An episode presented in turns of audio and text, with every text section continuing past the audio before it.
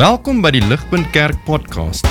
As Ligpunt Gemeente is dit ons begeerte om God te verheerlik deur disippels te wees wat disippels maak en 'n kerk te wees wat kerke plant.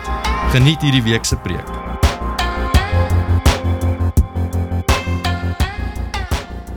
En nou kom kuier. Moenie moenie skrik nie. Ehm um. Ehm um, uh, maar baie baie welkom dis dit. Ek wil ek wil sommer nou ook uh sê asseblief moenie moenie uithardloop nie. Ehm um, bly vir 'n koffie. Daar's nog twee volle potte koffie daar agter. Ehm um, eintlik wat aandiens die lekkerste maak is dat ons baie langer agter bly en kuier. So kom kuier saam met ons. Ehm um, dit sal baie. Ehm um, so soos klaar genoem is, ons gaan aan met ons reeks deur deur Handelinge. Ehm um, en to, terwyl ek hierdie sê, wil ek dit nou ook baie duidelik maak. Daar is nie volgende week kerk nie. Ek moet dit nou sê, anders gaan ek vergeet. Ehm um, volgende week voorwaarts. Ehm um, en so ek wil net seker maak niemand kom. Uh, don't be that guy. Okay. Ehm um, daar's niemand hier nie. Ehm um, ons is almal ons kamp almal lekker. So kom kamp net saam en dan en dan sit maklik. Okay. So daar's hy. So daar is nie handelinge volgende week nie. Ons handelinge okay. So ons gaan aan met ons reeks. Ehm um, en en en dis ja. Ehm um, dis dis ons nog so een of twee ore en dan gaan ons ehm um, 'n breek vat en en oor iets anders praat. Maar voor enigiets anders, kom ek bid weer vir ons. Ons kan nooit genoeg bid vir God se woord nie en dan kan ons inspring. Almagtige God en en Papa Vader, ons ag ons kan nie ons kan nie u woord verstaan sonder u help nie. Ehm um, en so kom maak ons oop. Heilige Gees kom maak hierdie teks vir ons oop. Kom wys ons die krag van die evangelie uh, in Jesus. Ehm um, en verander ons lewens. Pretoria het dit so nodig, Vader. Ek bid dit in Jesus naam alleen. Amen. So vanaand So as ons kyk na hierdie hierdie redelike lang stuk, ehm um, was daar nog 'n duidelike vraag wat my my opgekom het vir ons. Die vraag kom eintlik uit uh, ons is besig met die Alpha kursus uh, op Woensdae en daar het ek 'n quote gelees wat my wat, wat al heel week by my sit. En en die quote is deur Russell Brand, 'n uh, redelike bekende uh, comedian uh, in Engeland en akteur. Ehm um, en lees lees sê Russell Brand, dis so interessant. Hy sê uh, drugs and alcohol are not my problem. Reality is my problem. Drugs and alcohol are my solution. Reality is my problem. Um en en en so die vraag is wat is dit van ons bestaan hier op aarde wat vir so baie mense ons insluitend unbearable maak. Wat wat wat realiteit so 'n probleem maak dat ons moet vergeet, verdoof en verdrink om weg te kom Wat is dit van realiteit? Daar's geen tekort op uh, antwoorde dink ek op op nie. Ek uh, is dis dis diep, die sorge is diep. Uh, en die seer hardloop diep. Elke uh, individu het sy eie storie van hierdie gebrokenheid. Ons almal beleef dit, ons voel dit. Ehm um, en, en, en ek rarig nie in die prentjies wat ons op social media sien laat in die aand wat vir my sê daar is mense wat dit kan vermy nie. Ek glo dit net nie. En maak jy so goed gelukkig enigiemand lyk like, op 'n prentjie op op social media nie. As jy as jy 'n bietjie krap, dan gaan jy die gebrokenheid van die wêreld en die die die die sorge van wat hierdie hierdie hierdie bestaan so moeilik maak. Jy gaan dit gaan sien. Niemand is immuun hierteen nie. En en en die rede hoekom ek dit kan sê is want realiteit is universeel moeilik. Die die bestaan, ons realiteit is universeel moeilik vir ons. Maak nie saak in watter tyd, lewe, kultuur, wêreldgeskiedenis, erns maak saak waar daal waar jy self bevind nie. Jy ervaar dat dat ons bestaan ek wil weghardloop. Dis moeilik, dis swaar en dit dit dis donker en dis dis dis net nie lekker nie. Ehm um, en die twee die twee universele probleme wat wat ek persoonlik dink en ek dink daar's baie ander goed maar die twee universele probleme wat wat wat wat kultuur en taal en land uh dis 'n probleem vir almal is is hierdie twee goed. Hierdie hierdie is die twee goed wat ek voel universeel die lewe moeilik maak om te lewe. Nommer 1 is almal gaan dood. Almal gaan dood. En nommer 2 niks is eintlik in ons beheer nie. Niks is eintlik in ons beheer nie. Daai twee goed maak soos Russell Brand sê reality is my problem.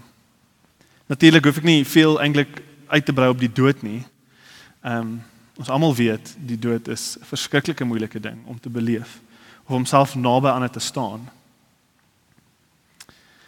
En die rede daarvoor dink ek is want van ons harte ingeskryf.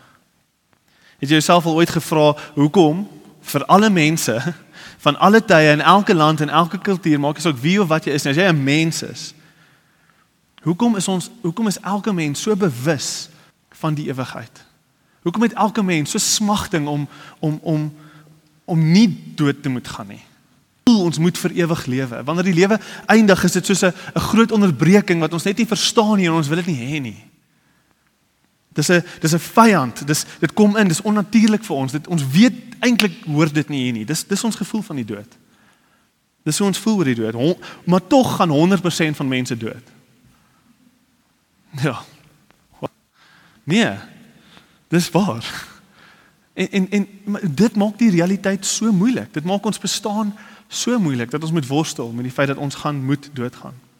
En dan natuurlik wanneer dit kom by beheer, die feit dat ons nie eintlik nie uh al wat ek eintlik wil noem hier so is kyk wat besig is om te gebeur in in die Oekraïne. Imagine jy jy lewe daar, jy gaan aan, jy het 'n klein besigheid en jou gesin is daar en en jy lewe jou lewe. En skielik word jy wakker en een eenhou het besluit hy gaan nou kom oorlog maak. En daar oornag val jou lewe in mekaar in. Il, il, beheer is 'n illusie vir die mens. Beheer, 'n vorm van beheer is 'n illusie vir die mens. Ons ons het geen mag en en, en iemand iemand in in in die Oekraïne, dis dis so hartseer, ons moet regtig bid, maar iemand daar het geen beheer oor wat met hulle nou lewe nou net gebeur het nie. Hulle hulle het geen beheer nie. Daar's die hoeveelheid dat jou pad, jou plan en jou vorm, jou idee van beheer kan onderbreek. Die hoeveelheid dinge is oneindig. Ons het eintlik geen beheer oor môre nie. 'n 'n Karongeluk, 'n siekte, 'n rooftog, 'n dodgy regering, 'n verkrummelende ekonomie. Môre kan die son die volgende ster wees wat besluit hy wil nie meer skyn nie. Ons het nie beheer oor hierdie goed nie. Beheer is is 'n illusie en en veral vir ons jonger generasie. Beheer is is 'n is 'n illusie en dit is die die die die die, oorsprong van soveel angs ons is so bang. Ons ons ons trek uit ons maale se huis uit en skielik besef ons hoe kompleks die lewe is en hoe min ons het. En dit krippel ons. Dit krippel ons is ons is vreesbevange. En so die vraag is in in die lig van van the problem of reality. Russell Brand sê ek ek ek haat realiteit. Ek moet myself verdoof net om deur die lewe te kom. In die lig van hoe moeilik die bestaan is, dood en en ons het nie beheer nie is die vraag wat doen ons? Hoe kom ons deur die lewe? Hoe hoe kom ons net deur die lewe? Gegeewe ons kyk na na Petrus se preek in Handelinge, wil ek vir ons ek wil vir ons uitwys die die kragtige en diep hoop van die evangelie. Vir, vir ons om om nie bang te hoef te wees vir die dood en vir ons om werklike vrede te kan ervaar in 'n onvoorspelbare wêreld. Daar is kragtige hoop en en regte purpose in in Jesus se opstanding en in sy sy koningskap en sy heerskappy. Ek wil graag hê ons moet ons moet daarna kyk um, vanaand. Net uh, net net om julle op te vang as julle nou net hier in die reeks inval. Um, ons het laasweek gekyk na die eerste deel van Petrus se preek. Um, Petrus het 'n lang preek. Ek wil gehad het ons moet weer alles lees, net sodat ons konteks het. Maar, maar laasweek het Petrus gepraat oor oor Jesus se dood. Um, by by by the hands of wicked men you crucified you crucified the Messiah. En en so ons het ons het laasweek bietjie daar gepraat, maar nou gaan ons aan met sy preek. Hy's nog steeds besig om met die skare te praat. Hy's nog steeds besig om vir mense hoekom het die Gees neergekom en hoekom het mense in verskillende tale gepraat, Handelinge 2, vroeër in Handelinge 2 en, en so nou gaan ons aan met sy preek. Hy hy wil aanverduidelik wie Jesus is. Versterk hierdie Gees as hierdie Petrus se heel eerste preek vir die nuwe kerk, die kerk wat eer gestig het. En so kom ons kyk na na twee dinge vanaand in daai tweede helfte van sy preek. Ons gaan vanaf vers 24 aangaan. En ons gaan eers kyk net na Jesus se opstanding en tweedens kyk na Jesus wat op die troon sit, Jesus wat in beheer is. So kom ons spring in. Uh, vanaf vers 24 af. But God raised him from the dead, freeing him from the agony of death, because it was impossible for death to keep its hold on him. So wat gaan hier aan? Wat gaan hier aan? Jesus was gekruisig. Uh, ons weet dit want daar was 'n spies deur sy sy gedruk om ekstra seker te maak dat hy dood is. Hy hy moes doodgaan op die kruis. Hy kruis afgehaal het as hy nie dood was nie. Maar die interessante ding is niemand stry oor die feit dat Jesus dood gegaan het nie. Uh Jesus Jesus het dood gegaan, maar maar dit wat dit wat dit wat mense gesukkel het om te glo. Die ding wat gelei het dat elke apostel sy lewe moes opoffer vir hierdie waarheid was nie sy dood nie. Dit was Jesus se opstanding. Dit was Jesus se opstanding. Die vroeë apostels en almal wat hier net na hy dood was gesien het het opstaan was so oortuig dat hy nie meer dood was nie, dat hy opgestaan het uit die dood uit, dat hulle en oor en oor soos ons deur Handelinge werk gaan ons sien die die burden van elke teks, die burden van elke preek. En 'n preek in Handelinge wat die wat die vroeë kerk geleentheid het om te praat oor Jesus, gaan hulle praat oor sy opstanding. Dit is hulle absolute oortuiging. En dit maak sin. Dit maak baie sin dat dat dit is wat hulle heeltyd oor wil praat want um, as ons daaraan dink, um, dit was Jesus se opstanding wat uh, wat wat sy woorde, sy leringe hulle, sy, sy leringe, sy sy beloftes Be, dit sy sy opstanding het vir al die goed nuwe betekenis gegee. Sy dood vir ons sonde beteken eintlik niks as hy nie opgestaan het uit die dood uit nie. Ook alles wat Jesus beloof oor die toekoms beteken niks as hy nie opgestaan het uit die dood uit nie. En so Jesus se opstanding is die hoeksteen van Christendom. C.S. Lewis het gesê Christianity if false is of no importance. But if it's true, it is of infinite importance. En dan gaan hy aan, hy sê it, it it can't be as moderately important. Kan nie sê jy kan nie in die middel wees nie. En en dis dis alles of niks en die die hele opstanding is eintlik die hinge. Die opstanding is die hinge wat dit infinitely important gemaak het. Want as die opstanding nie gebeur het nie, dan sit net dan sit dan gaan aan, niks belangrik hier nie. Maar dis die feit dat Jesus uit die dood uit opgestaan het wat dit infinitely uh, important maak. Petrus verduidelik dit um kortliks hier vanuit die Ou Testament uit. Hy hy praat oor Psalm 16 uh, en Dawid het profeties geskryf. Hy sê hy sê julle Dawid is dood. Ons weet Dawid is dood. So wat het hierdie woorde beteken? Dawid het hy, Dawid het profeties geskryf. Dawid het nie oor homself gepraat nie, Dawid het gepraat oor wat gaan kom.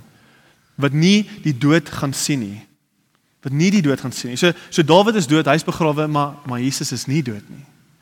Jesus is nie dood nie. Vers 32. God has raised this Jesus to life and we are all of it. So hy gaan aan. Hy sê ons het dis nie net die Ou Testament nie, ons het dit gesien met ons met ons eie oë. Daar was 'n hele groep mense, nie eers een mens nie, daar was 500 mense ten minste wat die opgest, die opgestaans beleef het en gesien het. Uh, ons lees in Handelinge 1, hy was vir 40 dae met sy apostels. Met met daai vroeë groepie mense wat Jesus volg. Hy was vir 40 dae met hulle. Imagine 40 dae saam met die Ek kan ek kan lank praat oor al die um die evidence. Daar's baie evidence, daar's baie bewyse vir die feit dat Jesus uit die dood uit opgestaan het en ek's baie baie bereid om daai gesprek met julle te hê. Ek dink dit is 'n belangrike gesprek. Maar ek wil vanaand meer fokus op hoekom die opstanding soveel krag gee vir ons in 'n hopelose wêreld. So so ek sê weer eens, daar is daar's geskiedkundiges wat sê dat Jesus se opstanding 'n feit is. Dis 'n feit, dis bewyse. 'n uh, Geskied baie meer geleerd is as ek. Uh, maar vanaand wil ek nie daaroor praat nie. Ek wil praat oor hoekom. Hoekom wat beteken dit vir ons in hierdie moeilike wêreld waarin ons lewe? Ons lees hierso weer eens in vers 24. Um God raised him from the dead, freeing the agony of death the agony of death. Ek agony is 'n perfekte woord wanneer ons praat oor die dood.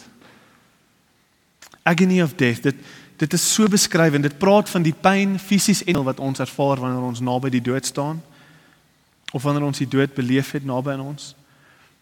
Agony praat van hoe dood ons lewens letterlik ruk. Dis asof ons wakker word vanuit 'n droomwêreld en ons gaan net aanhou lewe. En dan kom die dood en en ruk ons wakker.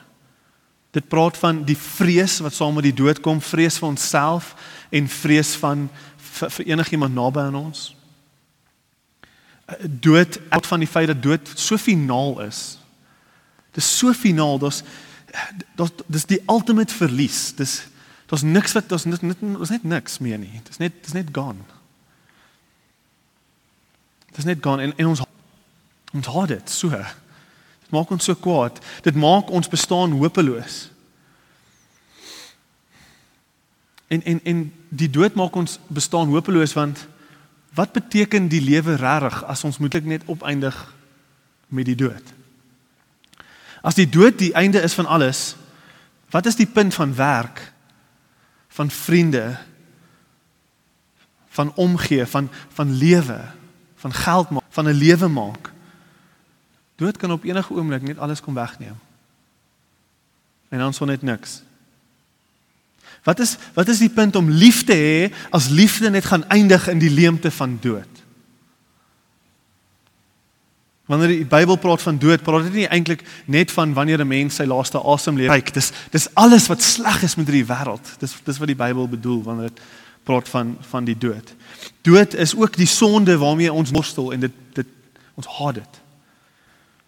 Dood is die die die die plaag wat wat die die curse, dis die plaag wat ons hele uh, wêreld soos 'n wolk oor ons hang. Dis dis moord, dis siektes, dis disabilities, dis frats om dis verlies. Dis soos die die degradation van alles.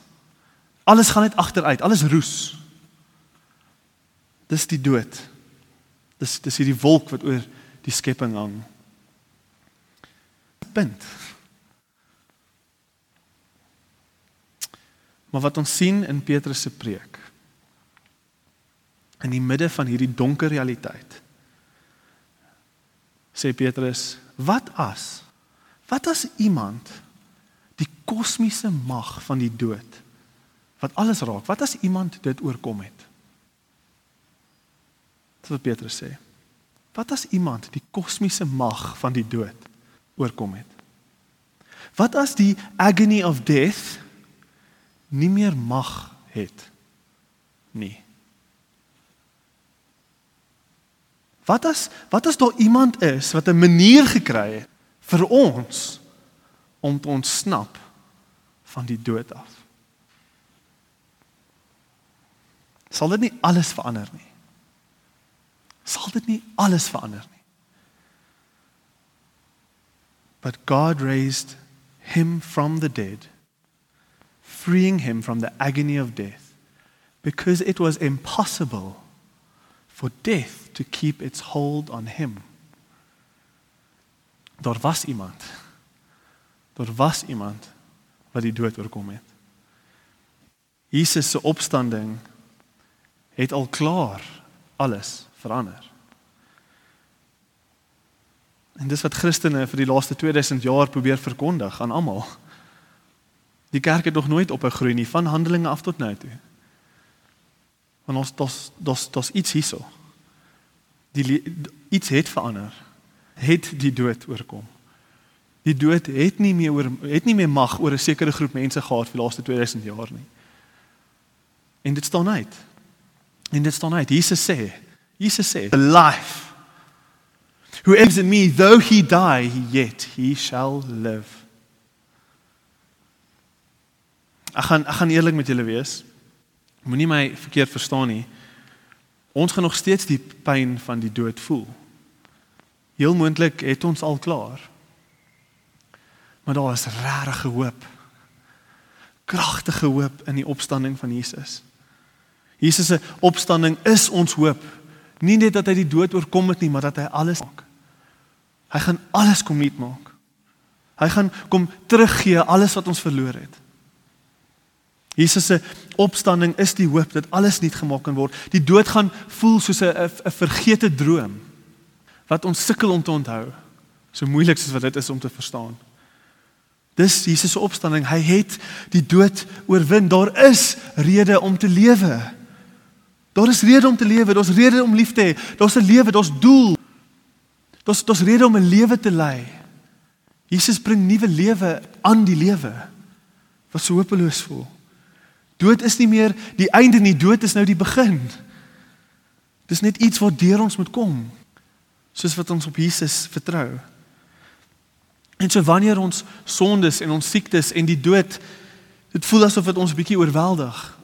Dit gaan gebeur. Hoor wat Petrus vanaand wil sê oor die standing. Jesus Petrus sê vir, vir die skare voor hom en vir ons sit jou jou jou jou gebroke hart in Jesus se hande. Sit jou gebroke hart in Jesus se hande. dood oorwin. Vertrou hom. Wag op hom. Vind jou vrede in hom. Wag en vertrou. Eendag, eendag sal jy sien. Eendag sal jy sien hy het die dood oorwin. Maar dis nie al nie, asof dit nie genoeg is nie. Asof dit nie genoeg is nie, is daar nog iets. Nie net het Jesus van die dood uit opgestaan nie, maar hy sit nou aan die regterhand van God. Ons lees uh, exalted vers 33, exalted to the right hand of God. He Jesus received from the Father the promised Holy Spirit that he has poured out on us now. Die die laaste deel van van Petrus se preek aan die skare uh, sê hy nie net was die Messias gekruisig nie, hy het opgestaan, maar nou sien ook.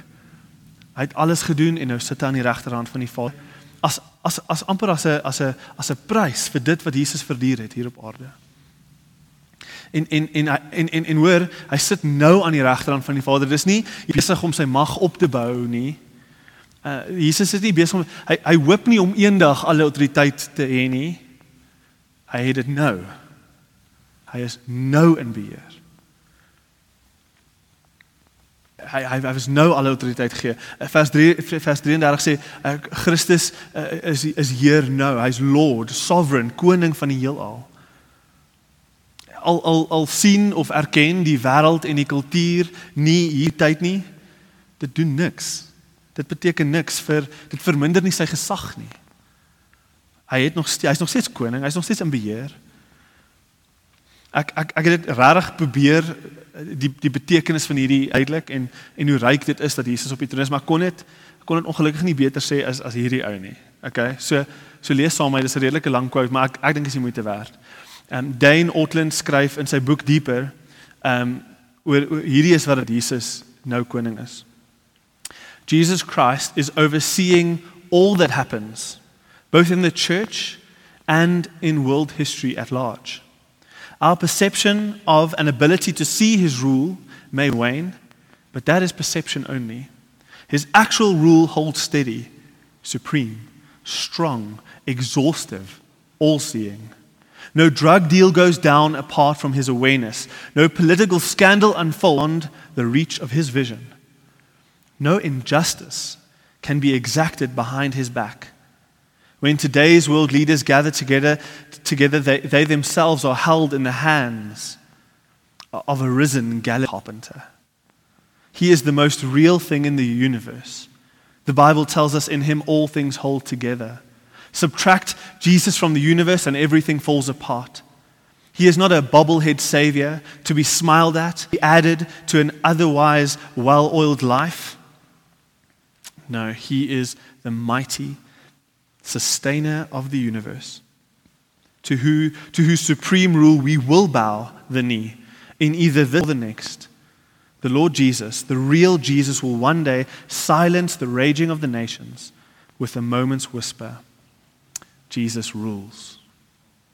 Jesus rules. Van die illusie van beheer in ons lewe die die die die gevoel dat dat dat alles gaan oukei okay wees want ek het ek het my deeltjie gedoen. Ek het ek het hard gewerk. Ek het alles in plek gekry. My admin is my my admin is, is agter mekaar.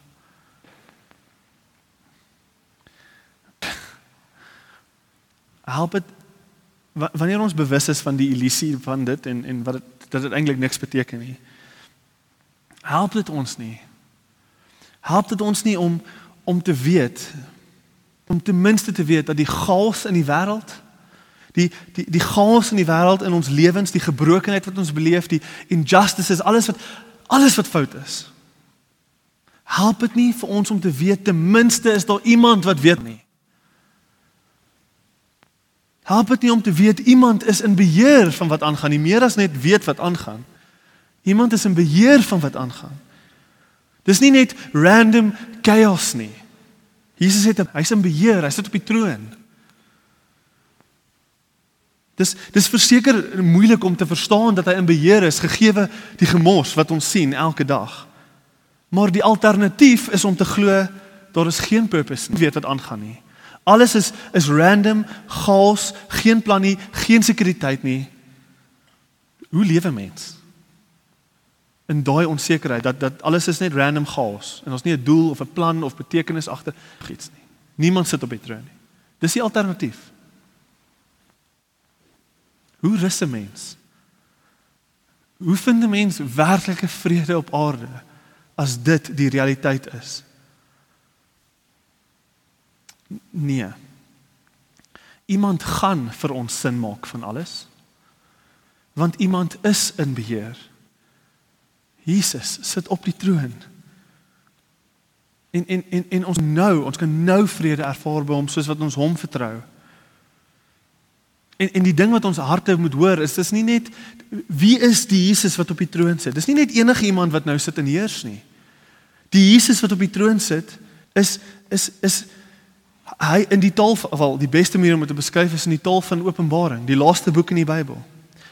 Die die laaste boek in die Bybel beskryf die een wat op die troon sit as die geofferde lam van God. Hy is die een wat op die troon heers. Die geofferde lam van God sit op ons is ek ek voel nie ek kan net enigiemand vertrou om om te heers met die heelal nie. Maar ek as ek as ek lees oor die die geofferde lam van God wat sit op die troon wat daar's niemand meer betroubaar as dit nie. Daar's niemand meer betroubaar betroubaar in die wêreld wat wat wat wat ek sal wil hê moet heers oor die heelal as Jesus nie. Hy was 'n mens, hy was honger, hy was moeg, hy was oorweldig. Hy het vriende gehad, hy het beleef hoe hulle hom in die rug steek. Hy het versoekings verstaan, hy het die gefalle wêreld verstaan. Hy het die diepte van ons sonde en ons seer verstaan. Hy weet wat dit beteken om te hê, hy weet wat dit beteken om sy familie te verloor. Julle Jesus, daar's niemand beter om op die troon te hê as die geofferde lam van God wat hier saam met ons in die gebroke wêreld was nie. Hy sit op die troon. Maar maar meer as al daai, nie net het hy met ons gelewe nie, Jesus is die een wat sy lewe opgeoffer het vir ons. Hy was die een wat die gebrokenheid hy uit gebrokenheid beleef. Sy hy het gekom om sy lewe op te offer om dit tot 'n einde toe te bring. Al het hy nie eers bygedra tot die gemors van die wêreld waarin hy was nie. Hy het nie eers bygedra nie.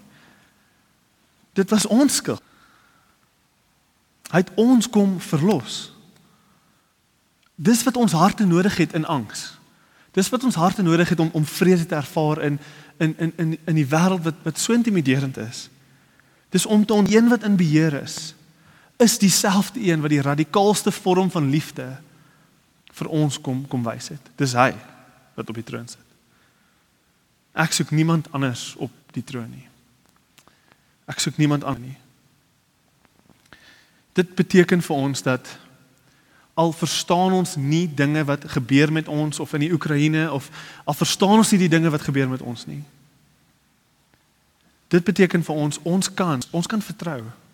Ons kan vir Jesus vra, ons kan ons kan worstel met hom, ons kan bid met hom, ons kan sit met hom. Ons kan ons kan hom vertrou en weet dat hy sit aan die regterhand van God en weet hy is in beheer en weet al al verstaan ek glad nie. Hy is in beheer en ek sit my ek sit my idee van beheer oor in sy hande en ek los dit vir hom en ek weet hy gaan hy gaan hy gaan dit redeem. Hy hy gaan dit kom nuut maak. As dit nie hier is nie, gaan hy gaan hy dit kom nuut maak in hom, maar ek kan rus in die feit dat hy weet wat hy doen al verstaan ek nie wat om my aangaan nie. Ek ek ek wil met julle deel dat dat hierdie iets is wat ek regtig aan myself moes preek en ek en my vrou regtig ons moes dit aan onsself ons het eh, vroeg in ons verhouding was ons baie oorweldig. Um, ons het gepraat oor ons familie en ons planne en en en ons kom toe neer op op op 'n gesprek ek en Sinead waar ons altyd besef het ons is ons is wit warm bang vir dit moontlik vir ons 'n kind gaan gee met special needs. Dit was ons vrees. Ons het gedink dit is God se storie vir ons. Dis wat dis wat hy vir ons gaan doen. Ons het geen rede gehad om dit te glo nie. Ehm um, alrede eintlik was Sinead het baie gewerk met met abilities. Dit was haar werk op baie tyd in die hospitaal. En en ons het gedink dit dit is dit is wat die Here vir ons gaan gee. Hy het daar 'n outie gemaak vir daai rede. Dis wat ons gedink het. En die vrees en die onsekerheid En die feit dat ons stem met wat ons dink God se plan was vir ons nie, het ons doodgemaak. Die angs. Die die die die trane. Die die gebede waar ons smeek, God moet dit net nie doen nie. Hy het niks gedoen nie, maar ons ons is bang. Ons bid moet dit net nie doen nie. Die die ding wat ons toe op die einde regtig gehelp het, na baie gebede en baie seer was om om letterlik in gebed op ons knieë neer te val en en te erken ons is nie in beheer nie. Ons is nie God nie. Dit was 'n nederigende proses. Ons het op ons knieë geval en gesê ons handig ons lewens oor aan jou want jy is koning. Dis wat dit beteken. Jy's in beheer, jy sit op die troon. Jy's koning. Ons gee ons lewens vir jou. Al al al op, baie oomblik sê ons vir onsself U skryf ons storie en ons vertrou U met daai storie. Ons vertrou dat daai storie beter is as die een wat ons vir onsself sou skryf. Al stem ons nie saam met wat U dalk wil doen nie. Ons het vertrou, ons moes vertrou dat dat dat sy liefde aan die kruis die die die die die die liefde is wat ons harte moes dra. Ons moes vertrou dat daai liefde beteken daai liefde van sy kruisdood beteken sy liefde is groter en wyser en storie wat hy vir my wil skryf gaan beter wees. Al sukkel ek onmenslik om te glo daarin. Ek moes erken ek het nie beheer oor die kind wat ek gaan kry eendag nie. Ek het nie beheer. Maar hy het en ek moet hom vertrou. Ek moet kies. Ek moet want anders te lewe ek in 'n illusie van my eie beheer van dinge wat ek eintlik nie, nie kan beheer nie. En wat gebeur is ek sink net dieper in 'n gat van depressie en angs en vrees. En dis is dis nie perfek nie, maar tot vandag toe kom daar vrese oor my pad en en ons moet nog tot vandag toe sê Here ons vertrou jou, jy's op die troon. Die geofferde lam van God, jy's op die troon. Jy het alles jou lewe gegee vir ons wat ook al storie jy vir ons skryf. Ons verstaan dit dalk nie, maar ons vertrou U. Tot vandag toe moet ons dit aan onsself preek. Ek hoop dit help. Ek ek wil afsluit met vers uh, eh, 6 in die laaste vers van van Petrus se preek. Petrus sê daar Therefore let all Israel be assured of this. God has made this Jesus whom you crucified both Lord and Messiah. So dis eintlik wat Petrus wil hê ons moet weet vanaand. Ek weet nie wat julle dink oor Jesus of hoe julle voel oor Jesus of waar julle is vanaand nie. Maar dis die uitnodiging. Dis dit is die die deur waardeur ons moet loop om om die die die die, die swaar juk van tyd af te gooi van ons skouers af. Dis hierdie deur. Dis die deur van erkenning dat Jesus Christus sit op die troon en hy is Heer en Messias dis deur ons moet beweeg vir ons om werklike vrede op aarde te kan beleef gegee alles wat wat verskriklik moeilik is. En so ek sluit af met met Matteus 11 vers 28 tot 30 dis Jesus se uitnodiging vir jou. Come to me sê Jesus. Come to me all who are weary and burdened and i will give you rest. Take my yoke upon you and learn from me for i am gentle in heart. And you will find rest for your souls. For my yoke is easy and my burden is light. Kom ons bid saam. Magtige God, Papa Vader, ons uh, daar's soveel dinge van hierdie lewe wat ons nie verstaan nie. En en, en daar's daar's werklike donker tye um, in in in ons bestaan dalk kom hier dalk gaan dit tog kom maar my gebed vir almal vanaand hier is dat ons die die krag um, van van u opstanding en op die troon sal sal vashou aan daai dinge in daai donker oomblikke. Dat ons sal hardloop na u toe dat ons beheer sal oorgee dat ons u sal vertrou en dat ons sal rus in die krag dat u alles gaan kom nuut maak. En u gaan alles teruggee wat verlore was. En u gaan alles kom regmaak wat nou gebreek, gebreek is ons om te rus in dit. En gee vir ons daai vryheid. Bid in Jesus naam alleen. Amen. Vir meer inligting oor Ligpunt Kerk, besoek gerus ons webwerf op www.ligpunt.com of kontak ons gerus by info@ligpunt.com